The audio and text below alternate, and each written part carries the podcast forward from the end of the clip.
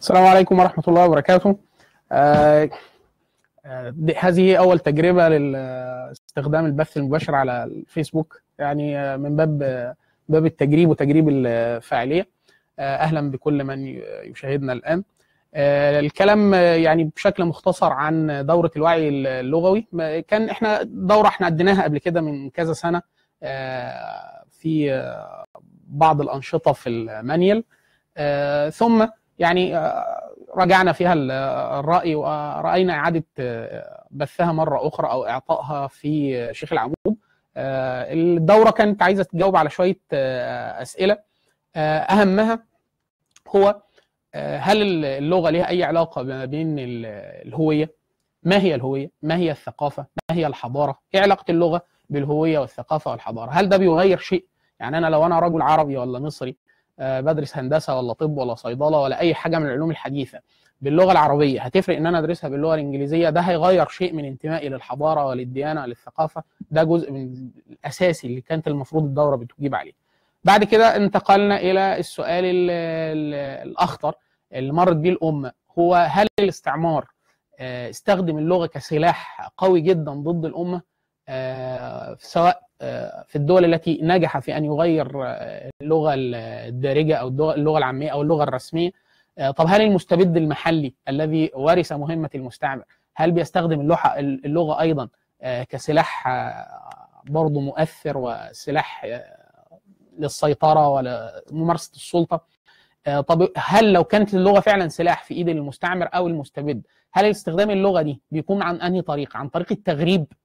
ولا أحيانا عن طريق توطين اللغة المحلية. يعني عشان يتضح المثال مثلا في مستعمر زي المستعمر الإنجليزي أو الفرنسي في مصر أو في الشمال الأفريقي سواء المغرب أو تونس أو الجزائر حاول إن هو يحل لغة المستعمر الفرنسية أو الإنجليزية محل اللغة المحلية.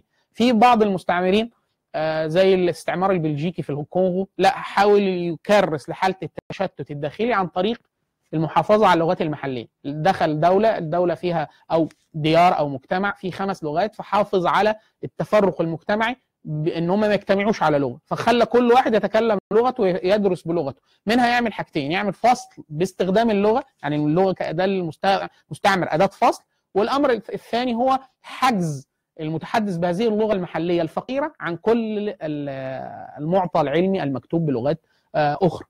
طيب اللغة من ناحية المحور الثالث في الدورة هل اللغة من ناحية التربية والتعليم والإبداع؟ لو أنا طفل عندي إيه- طفل حاليا في العصر الحديث اللغة الإنجليزية بتمثل 90% من الوثائق على الإنترنت آه، بتمثل معظم الأوراق البحثية والمؤتمرات وكل العلوم التقنية الحديثة العالم كله بيضخ في اللغة الإنجليزية. طيب أنا عندي ما بين أمرين أحلاهما مر أعلمه باللغة العربية فيفقد كل هذا المخزون العلمي والتقني وكمان فرص العمل والتحقق الاجتماعي وكذا.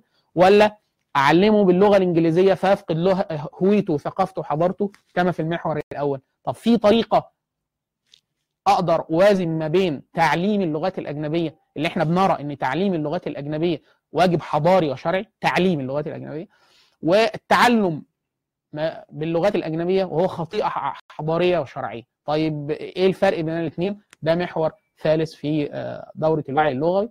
آه، هل اللغة آه، أداة لأدوات الإصلاح الاجتماعي. إحنا دايما بنتكلم مثلا في مصر من أيام الملك فاروق أول اهتمام رسمي أو آه، آه، يعني من قبل مؤسسات الدولة بفكرة محو الأمية.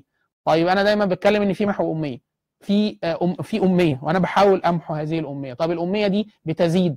آه طب ده أصلا مشروع إيه؟ مشروع مجتمعي ولا لغوي ولا ديني ولا شرعي ولا سياسي؟ طيب اللغة دي اللغة ممكن تكون أداة للإصلاح الاجتماعي ممكن تكون أداة لرفع ال- الوعي العام للمقاومة.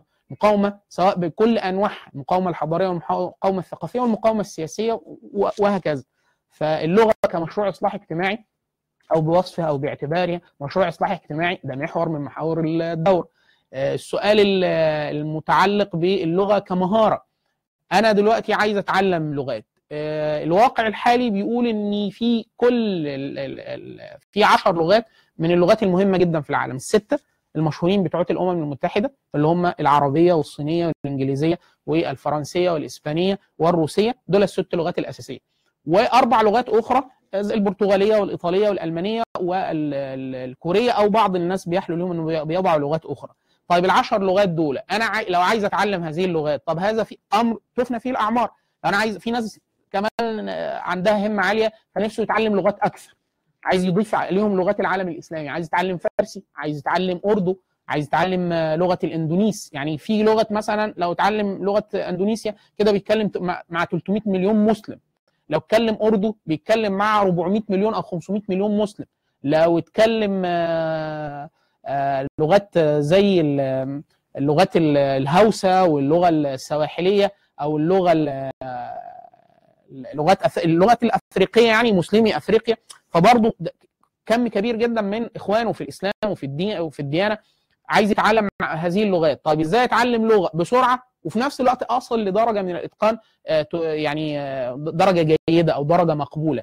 طيب إيه هو حد الإتقان في اللغة؟ هل في معيار ده للإتقان ده؟ هل المعيار ده معمم عالميا على كل اللغات؟ هل كل اللغات متساوية في الصعوبة؟ طب لو هي مش متساوية في الصعوبة إيه المعيار اللي بيقول إن اللغة دي صعبة أو سهلة؟ بالنسبة لمين؟ يعني أنا لو بتكلم باللغة العربية اسهل لي أتعلم فارسي ولا فرنساوي؟ أتعلم أسهل سنسكريتي ولا هوسة؟ إيه المعايير لده؟ وإزاي أتعلم لغة بسرعة؟ في برنامج مشهور جدا إحنا بنشرح جزء منه أثناء الدورة اللي هو تعلم أي لغة في 90 يوم. إزاي خلال 90 يوم أي لغة أي لغة ممكن أصل فيها لدرجه مقابلة لحد اللي هو إحنا بنسميه B واحد أو B 2 في معيار عالمي أو المعيار الأوروبي لإتقان اللغات اللي هو A 1 A 2 B 1 B 2 C 1 C 2 فلو أنت وصلت C 1 أو C 2 خلاص المتحدث باللغة ده بيبقى أقرب للمتحدث المتحدثين الأصليين. آه لو أنا وصلت ل B 1 أو B 2 يبقى أنا كده مقبول. ده لدرجة إن ممكن في سفر أو منح أو تعامل مع بعض اللغات مع بعض الدول بيشترط إن هو لو B 2 كويس ممكن يلتحق. فإحنا بنزعم إن ممكن معظم اللغات بتاعت اللغات العالمية خلال 90 يوم بطريقة معينة بترتيب معين بمواد دراسية معينة تصل لدرجة بي 1 أو بي 2 في 90 يوم أو 100 يوم. المحور ده اللي هو اللغة بوصفها مهارة كيف يمكن أن تتعلم لغة أجنبية بسرعة؟ ده محور من محاور دورة الوعي اللغوي. طيب اللغة علاقتها بالتقانة. إحنا حاليا دلوقتي العالم الحالي بيسمى بعالم يعني إحنا داخلين في عصر المعرفة. عصر المعرفة متعلق بشبكة الإنترنت. شبكة الإنترنت حاليا وعلوم الحاسب الآلي بتغير جميع التخصصات في العالم لدرجة إن في نسخة حوسبية من كل التخصصات. يعني أي تخصص ممكن يخطر على بال المستمعين في نسخة حاسوبية منه. طيب علاقة اللغة بالتقانة. إيه يعني إيه معالجة لغات طبيعية؟ يعني إيه مهندس أو متخصص في معالجة اللغات الطبيعية؟ يعني إيه آه مهندس لغة؟ يعني أنا أنا كان توصيفي في أحد الأعمال اللي قمت بها مهندس لغة عربية. يعني إيه مهندس لغة عربية؟ كيف يستطيع الإنسان أن يصبح مهندسا للغة؟ أي بقى لغة. هل مهندس لغة عربية؟ ينفع. آه مهندس أي لغة ثانية ينفع. إيه مجال هندسة اللغة؟ إيه مجال معالجة اللغات الطبيعية؟ آه ليه جوجل تعتبر شغالة في كنز يشابه بالظبط حقبه اكتشاف البترول. حاليا اللي هو البيانات التعامل مع البيانات واللغات حوسبيين ده محور من محاور اللي بنغطيها في دورة الوعي اللغة اللغة علاقتها بالتقنية أو كيف تصبح مهندسا لغويا. خطوات واضحة. إزاي أدرس إيه؟ إيه العلوم؟ أدرسها بأنهي تتابع؟ إيه الكتب أو المقررات أو المساقات الدراسية اللي ممكن أتعرض ليها بحيث أصبح متخصص في هندسة اللغة أو في معالجة اللغات الطبيعية. طيب اللغة والاقتصاد. أنا دلوقتي عايز أحول المعارف اللغوية سواء إتقاني للغة سواء لغة الأم يعني إتقانك بس فقط للغة العربية إتقان تام أو إتقان مقبول ده لوحده يمثل دخل مادي جيد جدا. جيد جدا بل ممتاز. آه سواء واحد شاب أو شاب مش لاقي شغل أو بيدور على شغل أو عايز يشتغل شغل مرن آه من البيت ويجيب له فلوس كويسة جدا. فإيه العمل الحر المرتبط باللغة أو علاقة اللغة بالاقتصاد عموما؟ عالميا وعلاقة اللغة العربية بالذات بالاقتصاد أو باكتلاب المال أو صناعة المال. ده محور من المحاور المهمه جدا اللي بنغطيها في دورة الوعي اللغوي. طيب إيه علاقة اللغة بعلوم الشريعة؟ إحنا دايما بنقسم العلوم دائما العلوم الشرعية علوم غايات وعلوم آلة. علوم الآلة دي أو وسيلة إن أنا أتوصل بها للفقه وللعلوم القرآن وعلوم التزكية وكذا. طيب أنا دلوقتي عايز أعرف العلاقة الواضحة المباشرة ما بين اللغة العربية وكافة العلوم الشرعية واللغة العربية أنهي قدر بأنهي طريقة بأنهي سلم تعليمي أستطيع إتقان هذه اللغة الممهدة لاتقان العلوم الشرعية. مثال عايز الأهم على الإطلاق باب علم الإيمان أو التزكية أو الأعمال القلبية. إيه علاقة ده باللغة؟ يعني أنا إيه اللي أنا لو أنا عايز اتعلم أتعامل مع الله عز وجل فأفهم عن الله عز وجل ما وصف به نفسه. أو أسماء الله أسماء الله الحسنى الكريمة.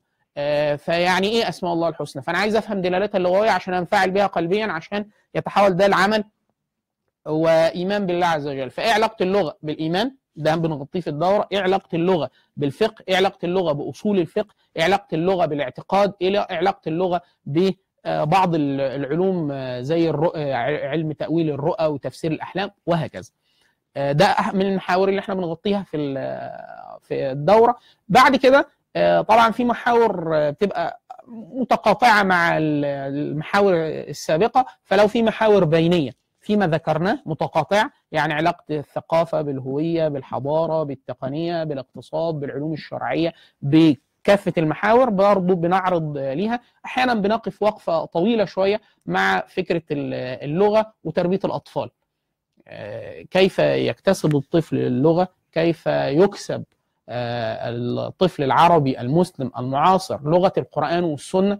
كيف أستطيع الوصول بالطفل المسلم المعاصر سواء هو عايش في ديار العرب أو في ديار أجنبية؟ عندي طفل أنا مسلم الحمد لله وعايز أطلع ابني متقن للعربية. من أجل واحد هويته وثقافته واثنين إتقانه لكتاب الله أو فهمه لكتاب الله وسنة رسول الله. طيب أعملها إزاي دي؟ سواء داخل ديار العرب أو خارج ديار العرب. فده يمكن من أكتر الحاجات اللي بنقف شوية قدامها في الدورة فكرة آه كيف يكسب الطفل العربي في أو المسلم في التاريخ المعاصر سواء كان داخل ديار العرب أو خارج ديار العرب موجود بقى في اليابان موجود في الصين موجود في أوروبا موجود في أمريكا كيف يكسب لغة عربية سليمة صحيحه تمكنه من التعرف على كتاب الله وسنة رسول الله. ده يمكن المحاور بشكل عام اللي إحنا بنحاول أو إن شاء الله نفسنا نغطيها في دورة الوعي اللغوي ثم يعني يتبقى جزء تطبيقي أو الجانب إيه اللي هو يعني مجاوبة على جواب على ادعاء إحنا بندعيه جوه الدورة. فكرة اللي هو ممكن أتعلم أي دورة أي لغة أوصل فيها لمستوى كويس خلال 90 يوم أو 100 يوم. ففي ناس بيقول لك لا الكلام ده يا إخوانا أنتوا إيه يعني الكلام ده دعائي وحاجة لطيفة جدا بس ده مش موجود. فإحنا بنقول له والله أنت في أول الدورة اكتب اللغة أو اللغة اللغتين ثلاث لغات أي عدد من اللغات اللي أنت عايز تتقنها. فإحنا هنديك حقيبة لغوية الحقيبة اللغوية دي مقسمة بنقول لك أدي المادة بتدرس. ده لو عملته بالترتيب الفلاني خلال من 90 يوم ل 100 يوم إحنا بندعي إن أنت هتصل لدرجة كذا. خلاص؟ آه فدي من الحاجات اللي برضو إيه آه يمكن المحور المستقبلي أو التطبيقي اللي إحنا إيه بنعرضه داخل الدورة. نتمنى إن إحنا إن شاء الله نراكم على خير في هذه الدورة والدورات القادمة آه تحت مظلة الوعي اللغوي. لو حد عنده أسئلة من الحضور يبدأ يتفضل. آه طيب إحنا عندنا سؤال كويس إن هو في محور من المحاور اللي إحنا بنغطيها وما قلناهوش أثناء العرض وهو مجال تعليم العربية للأجانب. آه طبعا ده بنتكلم عنه أحيانا داخل علاقة اللغة بالاقتصاد، إيه الوظائف اللي ممكن واحد مشتغل باللغة آه تعليما وتعلما وبالذات اللغة العربية بالأصالة إزاي تدر عليه دخل؟ منها دخل ومنها وظيفة دعوية، يعني اللغة العربية هي مفتاح الباب الذهبي أو المدخل الذهبي للإسلام. فتعليم العربية للأجانب مجال مهم جدا آه وآخذ في التصاعد في العالم. اللغة العربية من أكثر اللغات صعودا في العالم. يعني عدد المتحدثين باللغة العربية كمت... كلغة ثانية بيزيد جدا في العالم. فده من المجالات اللي إحنا بنغطيها. بنقول هو إيه المجال؟ فين الأماكن اللي ممكن الواحد يدرس فيها دراسة أكاديمية؟ فين الأماكن اللي ممكن يدرس فيها دراسة وظيفية؟ لو عايز يشتغل بيها على طول. إيه الكتب وإيه السلم التعليمي بتاع تعليم العربية للأجانب؟ فده إحنا برضه بنغطيه في في في الدورة. آه لو حد يعني صاحب السؤال عايز يعني إجابة بسيطة كمدخل طبعا التفصيل داخل الدورة. في إحنا عندنا خمس أو ست أماكن في في مصر آه أكاديمية. يعني إيه أكاديمية؟ بتدي شهادة مباشرة لصاحب الشهادة أو الحاصل على الشهادة. هو إنسان مؤهل للعمل أو مجاز للعمل في تعليم العربية للأجانب أو للناطقين بغيرها أو حسب الاسم اللي المكان ده بيحلو إن هو يطلق على التخصص يعني.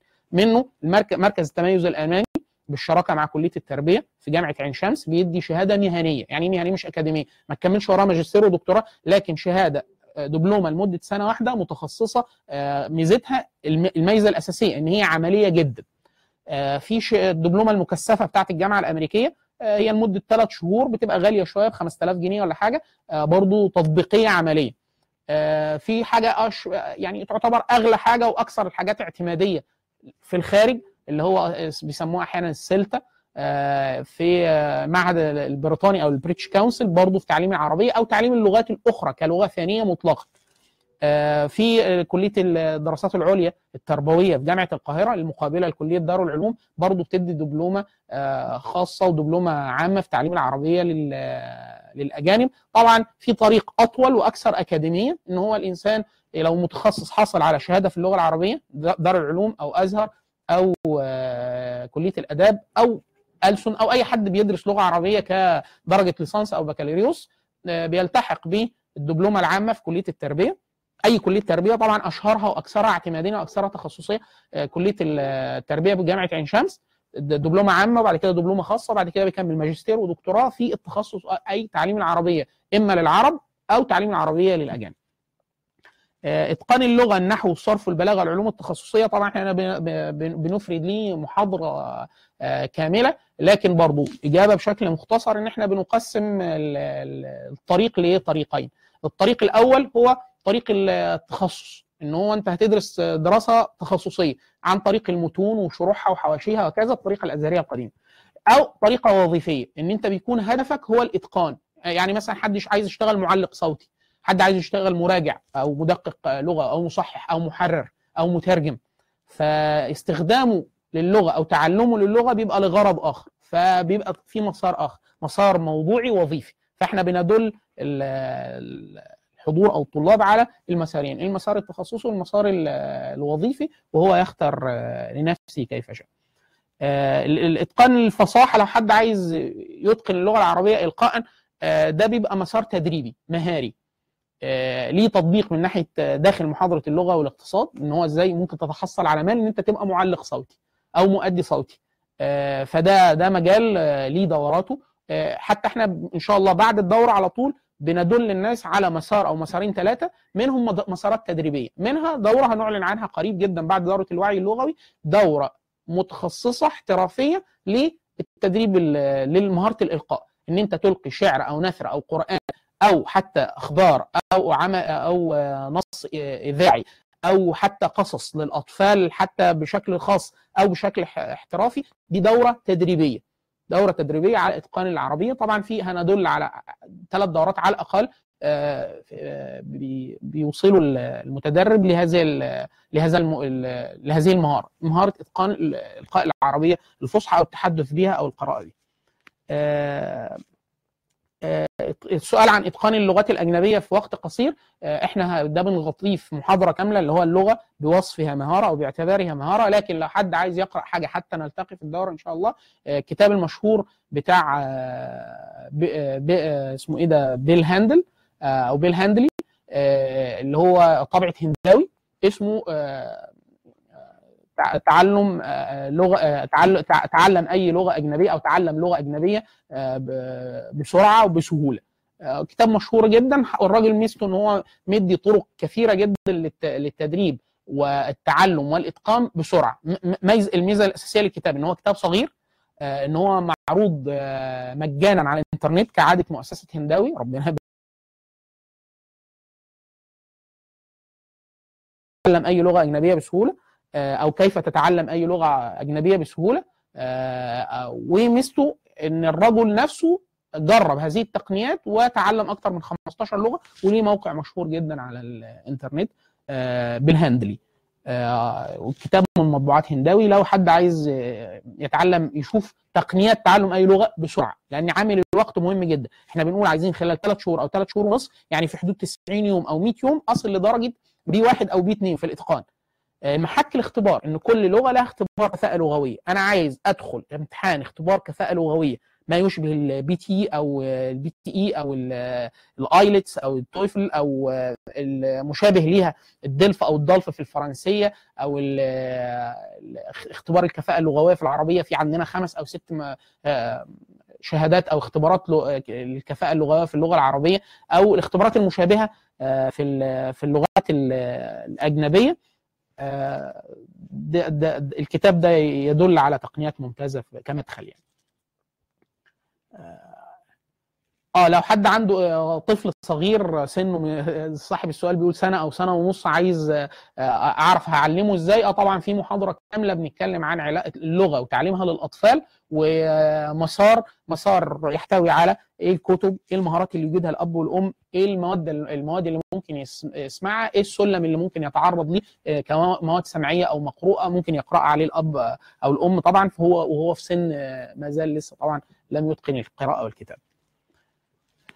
الدورة هل ممكن في إمكان الحضور؟ آه طبعا يعني ممكن تشرفونا. بكرة إحنا إن شاء الله هنبدأ في تمام التاسعة صباحا.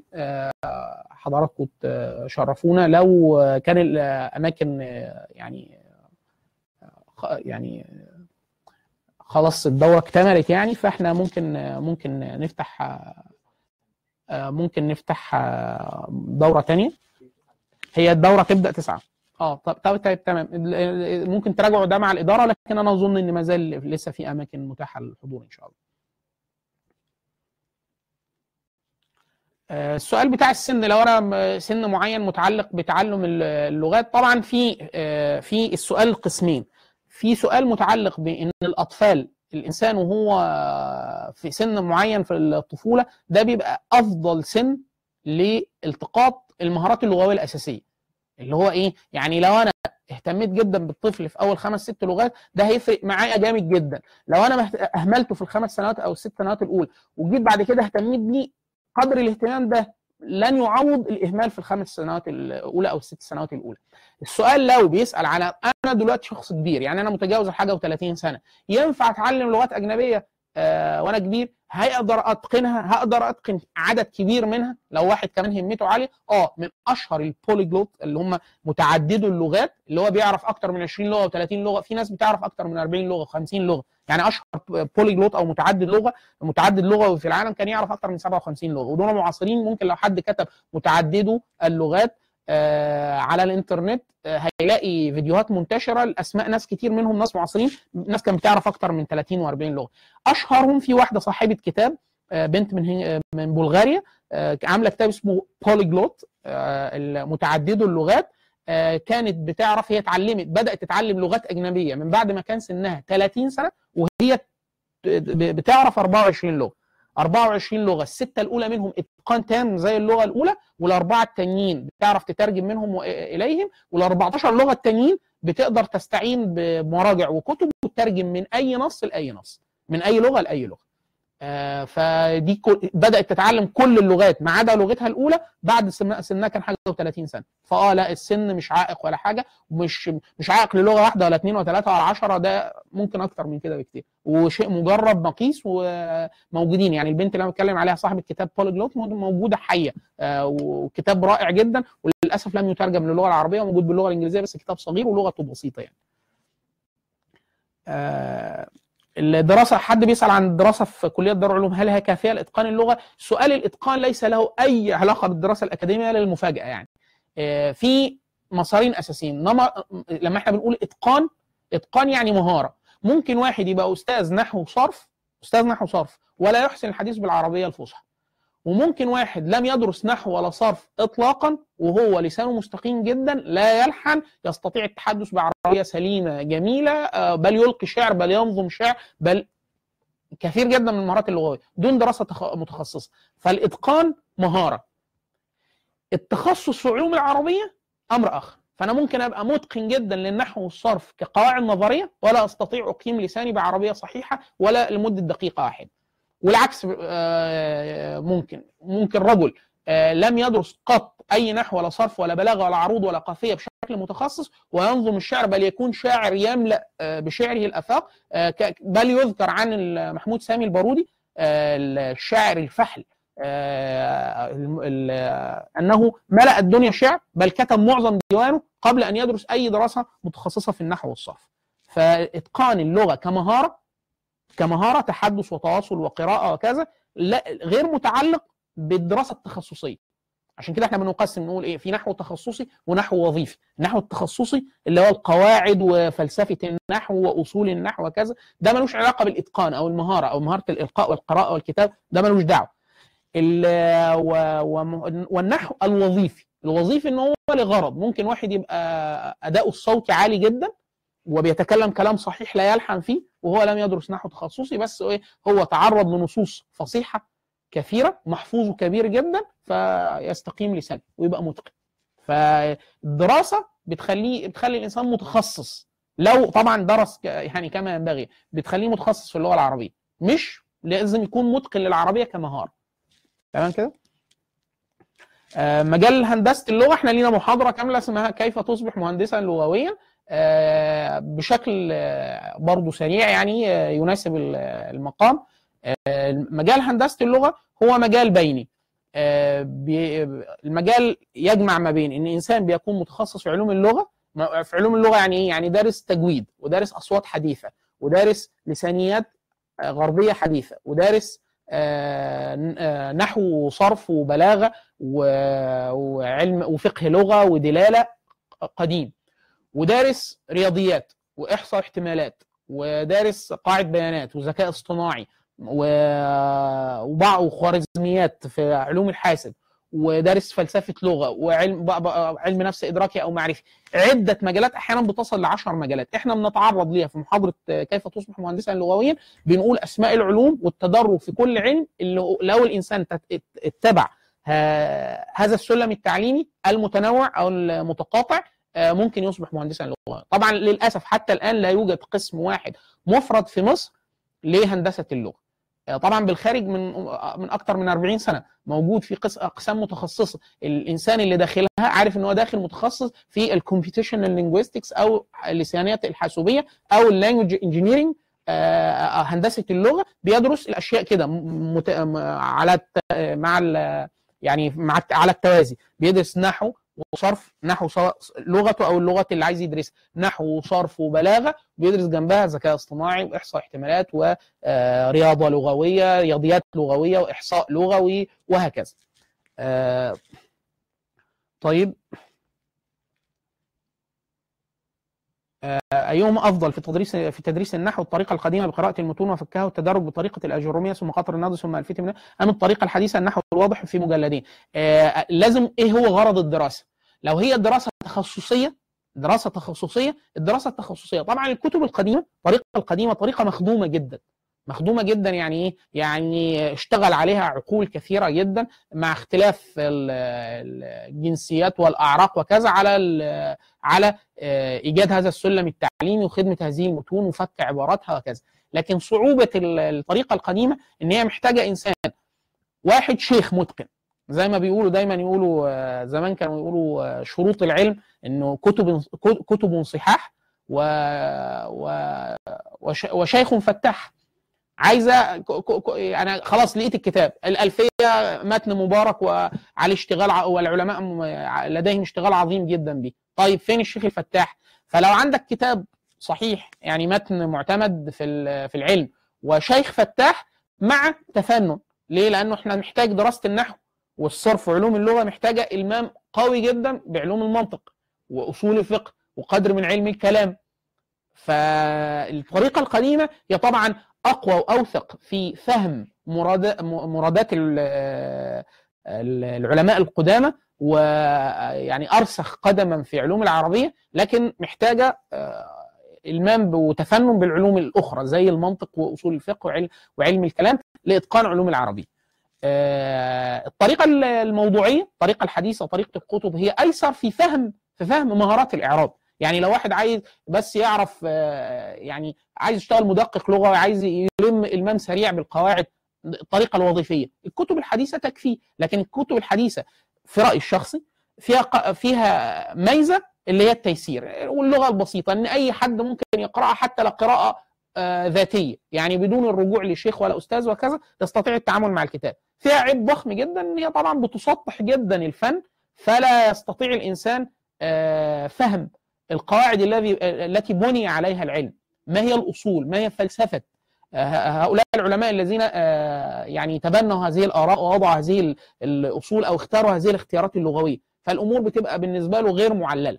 ف وكأن واحد عايز يدرس أصول فقه مثلا من كتب حديثة. طبعا يعني يكاد تكون جميع الكتب المعاصرة آه، لو واحد درس أصول فقه عشر سنين من كتب معاصرة لن يستطيع فهم الأغراض الأساسية التي آه، أسس عليها العلماء الفن. فالطريقتين آه، الطريقة المعاصرة بتاعت الكتب زي النحو الواضح والنحو الوافي ميسره وممكن أي حد يتعامل معها حتى لو غير متخصص. لكن من ناحية بناء الملكة التخصصية وفهم فلسفة الفن والعلم وكذا لا مستحيل دي تؤدي إلى آه، التخصص الدقيق. أما الطريق الأول فهو صعب وواعر لكن هو لو هو هيصبح الدراسة بغرض التخصص لا الطريقة القديمه مع استثناءات في الكتب المعاصرة يعني آه، تعرف يعني كده بال زي ما بيقولوا بالمناقيش يعني. آه طبعا قدرة التعلم ال- ال- اللغوي بتفرق من شخص لشخص آه عندنا في علم النفس في علم النفس الفروق الفردية وعلم النفس ال- ال- المعارف أو بيسموه أحيانا القدرات العقلية في أحد الذكاءات بيسموها الذكاء اللغوي. ففي حد عنده استعداد آه، لغوي استعداد. ما دايما الناس بتقسم ما بين شيء حاجة اسمها استعداد وقدرة. إيه اللي أنت بتعرفه دلوقتي؟ وايه اللي أنت تقدر عندك استعداد فطري فطري أو بيئي واجتماعي وتربوي وتعلمي إن أنت تكتسبه. ففي ناس ذكائها اللغوي عالي. يعني أنا مثلا على الورق لو أنا متح... متحدث أصيل باللغة العربية إحنا اثنين وإحنا الاثنين عرب وعايزين نتع- نتعلم اللغة العبرية. المفروض في كلام واضح بيبقى معايير مكتوبة إن أي حد عربي عايز يتعلم عبرية يصل بها لمستوى كذا يكفيه مثلا 200 ساعة 300 ساعة تدريبية. كذا في اللغة الإنجليزية وده مشهور ما ممكن نتعرض ليه أحيانا بالدورة اللي هي إيه؟ آه، جداول آه، الساعات الكافية لإتقان اللغة أي لغة أو الوصول لمستوى معين في اللغات ال- آه، بعينه. فلو متحدث باللغة الإنجليزية حتى يصل لمستوى الإتقان في اللغة الألمانية معمول جدول عشان يصل لمستوى مبتدئ متوسط متقدم عدد ساعات معين. ساعات 300 وهو يخلص في 200 ممكن يكون إيه السبب؟ إنه استعداده اللغوي أعلى أو ذكائه اللغوي أعلى فالفروق الفردية موجودة فعلا. آه لكن ده معناه إن هو يجيب في أقل من المتوسط. لكن الثاني يوصل للرقم العادي اللي هو انه يستطيع تعلم أي لغة في أي سن. آه، ما دام إنسان طبيعي وحتى لو ذكاؤه متوسط يعني مش لازم يكون عبقري أو حاجة. آه، تعليم الطفل لغته الأصلية هل في الفترة دي بيقدر آه، يقدر يتعلم لغة تانية؟ هل ده ممكن يشتته أو يأثر عليه؟ آه، طبعا إحنا عندنا في هذا ال- ال- السؤال اللي هو الطفل أنا عندي طفل مصري عربي مسلم آه، وهو صغير آه، السن الذهبي بتاع تعلم اللغات وهو صغير أول خمس ست سنوات أو أول سبع سنوات. طيب أعلمه لغة تانية مع العربي؟ آه ولا لأ؟ عندنا أبحاث تصل لدرجة التعارض والتناقض عالميا حتى. في ناس بيقولوا لأ ده تعلم لغة لغتين وثلاثه مع بعض آه، مفيد جدا. من ناحية الإبداع والذكاء والقدرات وحل المشاكل. وفي ناس بتقول لأ ده بيأثر تأثر تأثر وده بحث تجريبي ومعمول على عينات وفي آه يعني ناس بتقول لا ده حتى لو هو مفيد من الناحيه الابداعيه إحنا مش هنعمله عشان ناحية الهوية والثقافة. السؤال هو متعلق بإيه؟ إحنا ليه عايزين نعلمه لغة آه، ثانية؟ هو ده السؤال السؤال الاصلي مش هو يقدر يعملها ولا لا؟ وإلا هو الطفل يقدر يعمل حاجات كتير جدا. في مشروع زمان كانوا جربوه أظن مش فاكر علماء ألمان أو امريكين كان سموه الطفل العبقري. قال لك إحنا نقدر نعلم الطفل حاجات كتيرة جدا قبل ما يوصل أربع سنين أو خمس سنين. فجمعوا كم معارف ومعلومات مهولة جدا وضخوها للطفل وبتاع. فاكتشفوا إن الأطفال مثلا بقي لو حفظوا جدول 100 مش جدول 10 جدول 100 يعني يقول له 44 في 33 يقول. ممكن أحفظه ممكن أحفظه. لما تتبعوا بدراسة طولية الأطفال دول بعدين هيبقوا حاجة عباقرة أو حاجة؟ لا. فقال لك طب إحنا الحمل المعلوماتي المهول اللي عملناه على الطفل ده ما كانش مفيد. فنفس السؤال يعرض للغة. أنت عايز تعلمه لغة تانية ليه؟ في واحد بيقول والله الأبحاث بتقول إن هو مفيد جدا في 1 2 3 4 آه، الكثير من الأبحاث دي على الحقيقة بتوضع في أحيانا بتجاوب على سؤال لم يسأل اللي هو طفل ثنائي اللغة إن هو أبوه بيتكلم لغة وامه بتتكلم لغة تانية. أو هو عايش في مجتمع أبوه وأمه بيتكلموا لغة زي اتنين عرب عايشين في أمريكا. فهو كده كده مضطر إن هو يسمع لغتين في نفس الوقت. أو أبوه إسباني وأمه فرنسية أبوه عربي وأمه صينية. فأحيانا بيجيبوا بعض الأبحاث المتعلقة بالطفل ثنائي اللغة أو ثلاثي اللغة. طفل يكون أبوه وأمه وجدته الثلاثه بيتكلموا لغات مختلفة. أو هو أبوه وأمه لغتين والمجتمع لغة ثالثه فبيقول لك أهو نجح والطفل كان ذكي ومش فإحنا بنقول ده مش محل الاستشكال. أو حد بيجي بيقول بص طفل وعرضناه لغه ثانية وطلع غبي قوي وبتاع. أحيانا برضو الأبحاث دي بتبقى مغرضة أو متاخدة في سياق مش علمي إن هو بيجيبها على طبقات فقيرة أصلا. طبقة فقيرة أو طبقة مهاجرة من طبقة ثقافية. فهو ما بيقيس على الحقيقة اثر اللغة الثانية ده أثر البيئة وأثر الوسط الاجتماعي وكذا. لكن إحنا المحك بتاعنا إيه؟ ليه أعلمه لغة أجنبية؟ ده واحد. اثنين هويته وانتمائه الديني والثقافي ده اللي يهمني ده اللي هيحصل له. ودي كم الأبحاث اللي عليه قليل جدا. اللي هو أثر على الهوية أثر اللغة على الهوية. ده بيعمل إيه؟ في الانتماءات في الأسئلة الأخلاقية في الأسئلة القيمية. في مدى أنا استيعابي لديني وثقافتي فهم صحيح وده محتاج لكن إحنا طبعا بنجاوب يعني بنناقش المسألة دي بتوسع. لكن الضابط الأغلبي في ده إن هو بقدر إتقانه للغة الأولى أقدر أجاوب على السؤال الثاني. اتقانه للغة مش مجرد اتقانه بيعرف يتكلم ولا بيعرف يسمي الأشياء لا انتمائه للغة. إن هو يعني إيه لغة عربية؟ يعني إيه إحنا عرب؟ يعني إيه مسلمين؟ إيه علاقة العربية بالإسلام؟ مش هو إن هو عبر بده وإلا وهو الطفل الصغير لا يستطيع أن يعبر ده يستشعره. يستشعره. لو استشعره وباتقانه للعربية من ناحية الأصوات والأداء وكذا. أنا استشعرت ان هو حسن. هو ده السؤال بتاع متى تدخل اللغة الأجنبية. وطبعا ده في تفصيل أكثر داخل الدورة هنتعرض له إن شاء الله. أه اكتساب مهارة اللغة بدون دراسة تخصصية عن طريق طبعا الطريق الأسهل على الإطلاق هو التعرض التعرض الواسع اللي هو بيسموه أحيانا طريقة الغمر. إن هو إن أنت بتغمر نفسك في بيئة لغويه سليمة بسماع نصوص فصيحة ابتداء من القرآن قراءة صحيحة مجودة من قارئ متقن زي الشيخ الحصري الشيخ المنشاوي الشيخ البنا الشيخ عبد الباسط. وطبعا أجلهم على إطلاق الشيخ الحصري والشيخ المنشاوي يمكن كلهم أجلاء وقراء مميزين. آه لكن آه ده القرآن. أسمع شعر ملقى إلقاء صحيح آه إبداعي من ناس مميزة في الشعر في أسماء كثيرة بنتعرض ليها بندل على بعض القراء ورواة و المؤديين للقصائد. أسمع مسلسلات صوتية أخواننا في رواة عندهم قدر كبير جدا من الاشعار الملقاة والمسلسلات الدرامية الفصيحة وهكذا. أحفظ نصوص شعرية ونثرية. دايما الناس أول ما بنقول حفظ بيجي عنده قرآن أو شعر. حفظ النثر حفظ النثر له أثر السحر. يعني أنا أعرف كثير من العلماء المعاصرين منهم من توفي إلى رحمة الله كانوا بيحفظوا قدر كبير من النثر. يعني واحد يقول لك يعني إيه نثر؟ يحفظ مقامات. خطابات ورسائل العرب احاديث النبي صلى الله عليه وسلم حديث كثيرة. بس بشرط إن يسمعها عن أصل صحيح. يعني حد يكون مؤدي الحديث النبوي أداء حسن. أداء يعني يفهم منه المعنى اللي بيلقيه. مش مجرد أداء آلي أو إلكتروني كده. نفس الحكاية لو سمع كتاب ملقى إلقاء حسن. كتاب. واحد يقول لك أحفظ كتاب؟ آه. في ناس زمان كان بتا... يعني مثلا كتاب زي كتاب الكامل للمبارد أدب الكاتب يحفظ منه قطع البيان والتبيين للجاحظ وهكذا في نصوص منقولة عن العلماء إن أحد العلماء في القديم دخل على قرية قرية غير منتشر لا فيها علم ولا فيها عرب فصحاء ولا كذا فوجد طفل فصيح اللسان يكاد لا يلحن وكلامه عالي جدا وجميل وفصيح فسأله قال له استنى لحظة أنت جايب منين الفصاحة دي؟ فقال له أنا إيه كل يوم بقعد أكرر صفحات طويلة من كتاب من كتب علوم كان أظن كتاب للجاحظ أو كتاب للمبرد. آه كتاب فيه نصوص أدبية عالية جدا بيكرره لغاية ما بيحفظه. فده بيحسن جدا الملكه بل يقال عن محمود سامي البارودي سبب فحولته في الشعر وهو رجل معاصر.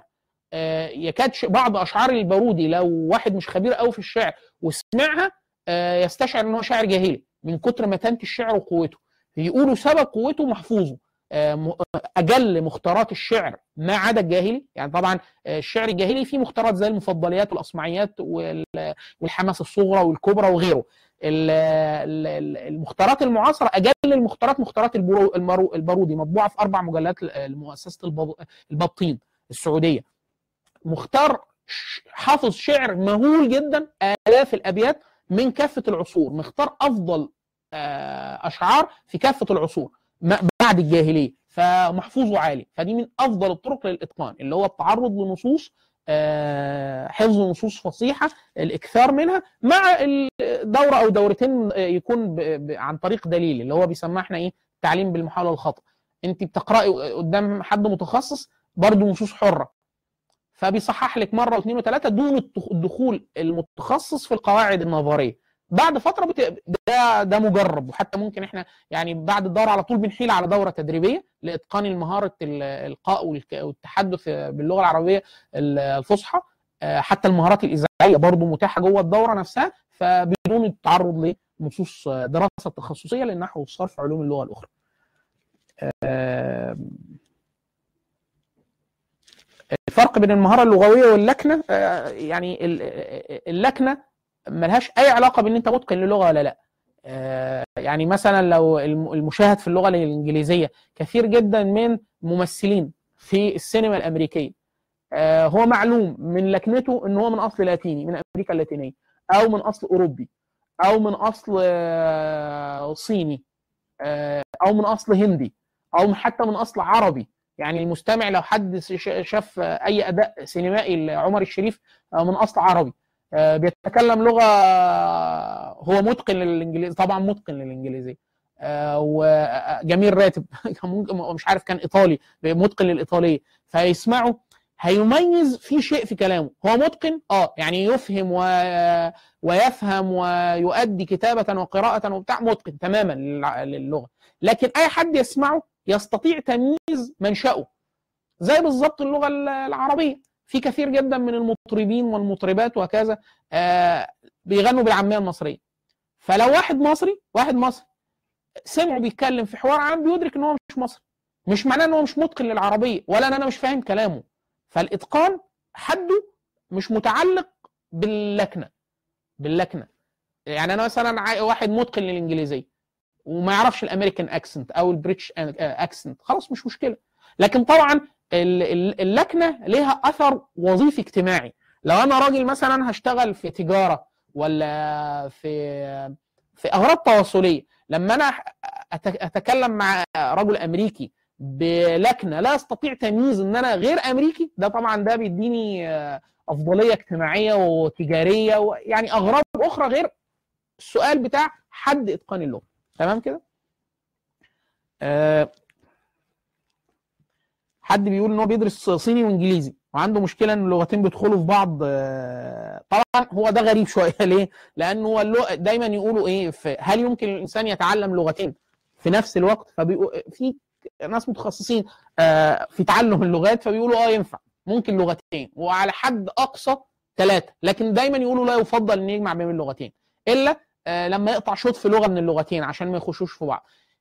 بس الغريب في السؤال ان الصيني والإنجليزي. إحنا دايما بيقولوا إيه لو واحد اتعلم إنجليزي وألماني مع بعض ممكن يدخلوا في بعض لأنه من اسره واحدة اللغة الجرمانيه هم منحدرين من الأصل الجرماني أو يتعلم فرنسي وإسباني وبرتغالي وإيطالي وروماني أي حاجة من اللغات الرومانسية. مع بعض يحصل له لخبطة جامدة جدا لأن كلهم من أصول لاتينية. أو واحد يتعلم عربي وعبري مع بعض يكون هو أصلا إنجليزي ويتعلم عربي وعبري هيخشوا في بعض لأن العربي والعبري ينتموا لأصل واحد.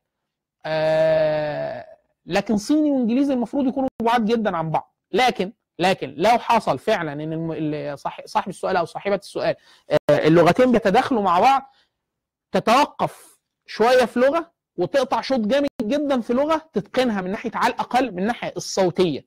الصوتية عشان الأصوات ما تتداخلش. لأنه لو هو الاثنين هو مبتدئ في اللغتين أو هي صاحبة السؤال مبتدئة في اللغتين ففي أول الأمر هتلتبس اللغات. لأن الأول إحنا بنكون بندرب الجهاز الصوتي على إخراج الحروف من مخارجها الأصلية عند أهل اللغة.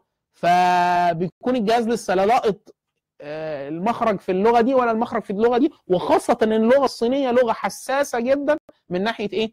من ناحية الأداء الصوتي. أي نبر زائد أو ضغط أو تخفيف أو أي حاجة في الصوت بيغير بيحيل المعنى بالكلي فممكن لو كانت صاحبة السؤال مبتدئة في اللغتين توقف لغة من الاثنين تقطع شوط جامد جدا في اللغة واحدة منهم يعني تقعد شهرين ثلاثة أربعة آه، شغالة بكثافة شديدة جدا من ناحية التدريب الصوتي وإتقان الصوتي للغة من من الصينية أو الإنجليزية ثم تعود مرة أخرى للغة الأخرى لو خاصة لو كانت هي في الغالب صاحبة السؤال ممكن تكون في ألسن أو صاحب السؤال ممكن يكون في ألسن. لأنه إيه؟ في كليات بتجمع بين اللغتين تكون اللغة الأصلية إنجليزي واللغة الفرعية صيني أو العكس اللغة الأصلية صيني واللغة الأخرى إنجليزي فهو مجبر بقى بحكم الدراسة فإيه آه، يزود شوية على لغة منهم.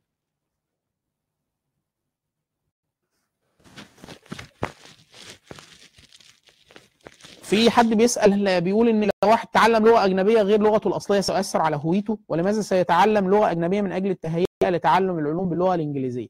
هنا هنا أخوانا هنا سؤال فارق دقيق جدا. ما بين إيه؟ إن تعلم اللغات تعلم العلوم الأصلية يعني أنا مثلا وأنا طفل هيعلموني حساب هيعلموني الحساب باني لغة. طبعا الحساب ده مش هتفرق بقى الأبحاث الحديثة والأبحاث غير الحديثة الحساب العمليات الأساسية الجمع والطرح والضرب والقسم والأمور الأساسية دي مش محتاجة أبحاث حديثة ولا بتاع. فهنعلمه بلغته الأم. طيب الراجل ده عايز ينتقل إن هو يتعلم جبر. جبر خطي ومصفوفات ومحددات وكذا. برضه يتعلمه باللغة العربية. طب عايز أعلمه معادلات تفاضلية. برضه باللغة طب تحليل هندسي. برضه باللغة كل ده ينفع باللغة العربية. فأنا إمتى احتاج اللغة الإنجليزية؟ في مستوى متقدم لما أكون عايز بقى أدرس علوم حاسب حاجات هتنبني على الرياضة على الرياضيات وحاجات هتنبني على الإحصاء والاحتمالات وحاجات. هنا احتاج الإنجليزية أو لغة أجنبية؟ وفي الغالب دلوقتي الإنجليزية من أهم اللغات. طبعا في لغات ثانية بتنافسها في بعض العلوم لكن هي الإنجليزية بالأساس. فهحتاج طبعا لغة أجنبية. آه طبعا هحتاج لغة أجنبية. قطعا هحتاج لغة أجنبية. عشان كده إحنا بنقول تعلم اللغات الأجنبية واجب حضاري وشرعي. زي ما هم فعلوا في علوم العربية. يعني هم كان في وقت من الأوقات لا يمكن أن يتعلم أي شيء مفيد إلا باتقانه للعربيه لأن كل حاجة مهمة مكتوبة في هذا العصر لغاية تقريبا القرن ال17 لغاية 1600 ما فيش حاجة مهمة مكتوبة إلا مكتوبة بالعربي. في الرياضيات والفلك والطب وبتاع. ما حدش كان في أوروبا يوثق في علمه إلا ما كان متقن للعربية. ده تعلم اللغات الأجنبية واجب حضاري وشرعي. لازم. إن أنا أتعلم بيها في الصغر دي خطيئة حضارية وشرعية. هو ده اللي إحنا بنفرق بينه فطب واحد يقول لك طب ما أنا ما دام كده كده هتعلم عربي. ليه. عاوز لغه إنجليزية؟ لما تست... يعني تست... تنفذ المادة المكتوبة بال... باللغة العربية. خلاص في فعلا. يعني مثلا لو أنا عايز مرجع معين في حاجة معينة في علوم الحاسب مش هلاقي ولا مرجع عربي ولا مرجع عربي. في حاجات في علوم. في علم النفس في حاجات في الطب بالذات طبعا في الطب وفي التقانة الحديثه في الميكانيكا في العلوم العسكرية. فأنا هبقى محتاج بقى أترجم أترجم بكثافة. فأنا لا مش ممكن أوصل للترجمة بكثافة إلا لما أفهم العلم أصلا باللغة بتاعته. بس مش هتعلمه وأنا صغير بده. يعني أنا أقعد لغاية ثانوي وجامعة خلينا ثانوي لأنه بعد كده ممكن يكون عايز يتوسع ففعلا هيبقى محتاج اللغة الإنجليزية. فلغاية ثانوي هبقى بغطي كل العلوم باللغة العربية. وفي نفس الوقت أكون من وأنا 10 سنين ولا 8 سنين على حسب بقى ده حاجة الحد الزمني دي فيه خلاف هنعرضه اثناء الدورة أبدأ من أنهي عمر اللغة الأجنبية أه هبقى بدرس لغات أجنبية. لو وصلت للسن اللي أنا محتاج أتعرض للعلوم مختلفة بلغتها الأصلية ومش موجود أي أه يعني مادة مكتوبة محترمة أو مرئية باللغة العربية فيبقى معايا معايا اللغات اللي أستطيع أفهم بيها العلم وترجمه إلى اللغة العربية لإثراء المحتوى العربي. جدول لدراسته وكتابه اتقان اللغة الإنجليزية. طبعا موضوع المقام لا يتسع لسرده لكن ده إحنا بنقوله بشكل واضح وصريح السلم كامل للغة الإنجليزية واللغة العربية داخل الدوره دول اللغتين بس اللي إحنا بنعمل كده. فيهم إن إحنا بنعرضهم بالتفصيل بنقول إن المفروض هتتعلم إنجليزي من صفر إلى الاحتراف كذا العربية من صفر لاحتراف كذا. بقية اللغات بنسلمها حقائب يعني واحد يقول لك أنا عايز أعرف صيني. آه صيني هات فلاشه أو هارد آه تنقل عليه المادة وبقية اللغات الأخرى بالطريقة دي. لكن المقام لا يتسع طبعا الكلام عن إتقان الإنجليزية لكن إحنا عندنا البرنامج بتاع ال 90 يوم أو ال 100 يوم ده مطبق على اللغة الإنجليزية. بنقول أسماء الكتب أسماء الدورات آه وبنوفرها. لو هو آه صاحب المادة يعني بنقول له المادة دي هتكلفك كذا هات فلاش أو هات hard disk ونقولها عليه صاحب سؤال إتقان اللغة الإنجليزية بس بسرعة. يعني إحنا إحنا بنصر في الدورة على محاولة إيه؟ استثمار الوقت. أنا عايز بسرعة خلال 100 يوم اصل لدرجه درجه حسنه. B واحد أو B اثنين في اي لغه من الصفر لا ده في ثلاث شهور يعني عمل فوق الممتاز. فان شاء الله يعني نوفي بده في الدورة يعني. مجال التدقيق اللغوي داخل في في في المسار الوظيفي. يعني أنا مش بتعلم عشان أبقى متخصص في النحو والصرف والبلاغة وأحضر في ماجستير ودكتوراه لا أنا عايز أعرف المهارات اللي بتساعدني في إن أنا يعطى الي نص طبقا لقواعد إملائية متفق عليها لأن الإملاء في قدر ما من التوافق. يعني ممكن يكون حد بيشتغل في مج... في مكان معين يقول له إحنا هنراعي بعض القواعد الإملائية الخاصة. ممكن يكون مش غلط ولا حاجة غيرها لكن إحنا هنتبنى ده داخل المؤسسة. فميزه التدقيق اللغوي إن هو مجال تدريبي مهاري. هنعرض ليه أثناء الدورة في اللغة والاقتصاد؟ إزاي تطلع فلوس من تعلم اللغة أو إتقان اللغة منها مجال التدقيق اللغوي والتصحيح اللغوي والتحرير اللغوي والترجمة كلها مجالات تعتبر مختلفة والاداء والأداء الصوتي آه إن شاء الله آه نعرض ليها بالتفصيل. إزاي أبدأ؟ فين فين الدورات اللي أبدأ بيها؟ لكن صاحب السؤال لو عايز حاجة سريعة برضه آه ومش هيتمكن نحضر معانا الدورة نوصيكم خيرا بالدكتور العمري محمد العمري. دكتور محمد العمري له أربع محاضرات باسم بعنوان مدخل لعلوم العربية أو مدخل للغة العربية أو مدخل لعلوم اللغة العربية. وبعد كده عنده دورة اسمها مهارات الإعراب دورة فوق فوق الرائع وهي دورة قصيرة يعني 15 محاضرة يمكن أو حاجة زي كده. وبعد كده عنده دورة طويلة جدا في مهارات التدقيق اللغة أو تصحيح اللغة باسم المهارات الكتابية. فوق الرائع دكتور محمد العمري. لو واحد عايز يكتفي بالدكتور محمد العمري في سلم هيبقى كافي جدا انه يصل لمستوى ممتاز. بعد كده الباقي ممكن يبقى إيه؟ يعني يغطى بقليل من الجهد. لكن لو صاحب السؤال مش هيلحق يحضر معانا الدورة لغاية ما نفصل في الدورة اللغة العربية كمهارة والسلم التعليمي بتاعها سواء الوظيفي أو التخصصي الدكتور محمد العمري مدخل ومنتهى رائع. ربنا يبارك فيه يعني ويطول الأطفال اللي في لغات أجنبية في مدارس لغات.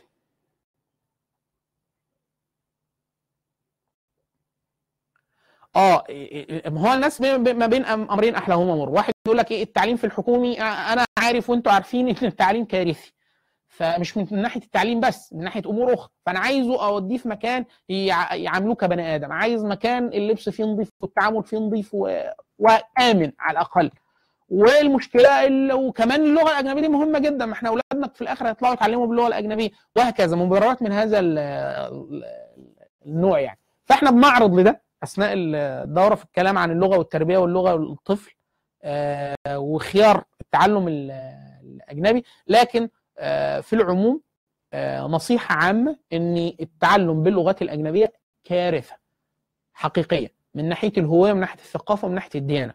من ناحية الديانة. واحد يقول طب أنا أعمل إيه؟ أوديه فين؟ دور على أي بديل أي بديل آخر. لو ما فيش غير البديل ده وخاصة لو في ناس بره مصر أو في محيطه ما فيش غير ده فإحنا بنشوف أقل الأضرار. يعني فين المكان؟ لأنه المشكلة يا أخوانا إن الس... ال... هنا بقى حاجة خطيرة جدا. إن زي ما هو العمر الذهبي لتعلم اللغات هو أول خمس سنوات خمس أو ست سنوات في عمر الطفل هو السن الذهبي لتكوين المنظومة القيمية اللي إحنا أحيانا بنسميها بعد كده الهوية والثقافة في الخمس ست سنوات الأولى. فاللي أنا بعظمه في قلب هذا الطفل ووجدانه ووعيه في الأول خمس ست سنين هم اللي بيفضلوا معظمين طوال عمري. فأنا لو عظمت عنده اللسان العربي والثقافة العربية والهوية بينتمي للعربية وللاسلام لو أنا عظمت عنده هو شايف اللغة العربية دي إحنا بس بنقرأ منها آيتين قرآن كده بنتبرك بيهم وبعد كده أسماء الأشياء أسماء الأشياء التعبيرات التشجيعية اللي أنا بقولها له باللغة الإنجليزية الأفلام والمسلسلات والكرتون واللغة واللغة العلمية والمواد اللي بيدرسها ولوحه المفاتيح اللي قدامه على الجهاز والموبايل اللي موجود قدامه كل حاجة باللغة الإنجليزية بالله عليك هيخرج إيه؟ يعني هو إيه المعظم في قلبه؟ هي اللغة الإنجليزية هي لغة التقانة هي واللغة العربية لغة حقيرة ولغة فقيرة ولغه وهكذا واحد يقول لك لا بس إحنا ما قلناش كده. هو ده اللي هيقوم في قلبه. خلاص؟ فهي المسألة مش مجرد مسألة إتقان من عدمه. لا هي مسألة زي ما إحنا هنشرح في أول محاضرة إحنا بنبدأ بأول محاضرة الثقافة والهوية والدين والحضارة الأربع مفاهيم هم إيه آثار اللغة فين فين مكانهم. طبعا بنعمل قائمه قراءة سواء تكليفات قرائية أو كتب موسعة لو حد عايز يستوعب المسألة بشكل بشكل عميق لأن هي مسألة تستحق فعلا ال- التدقيق. آه، يعني أرجو إن إحنا نكون التجربة الأولى للمث البث المباشر عن من خلال الفيسبوك تكون تكون ناجحة. آه، إن شاء الله نتمنى أن نلقاكم على خير في دورة الوعي اللغوي سواء في هذا الموسم أو في مواسم قادمة. آه، بارك الله فيكم شكر الله لكم. سبحانك اللهم وبحمدك أشهد أن لا إله إلا أنت أستغفرك وأتوب إليك. السلام عليكم ورحمة الله وبركاته.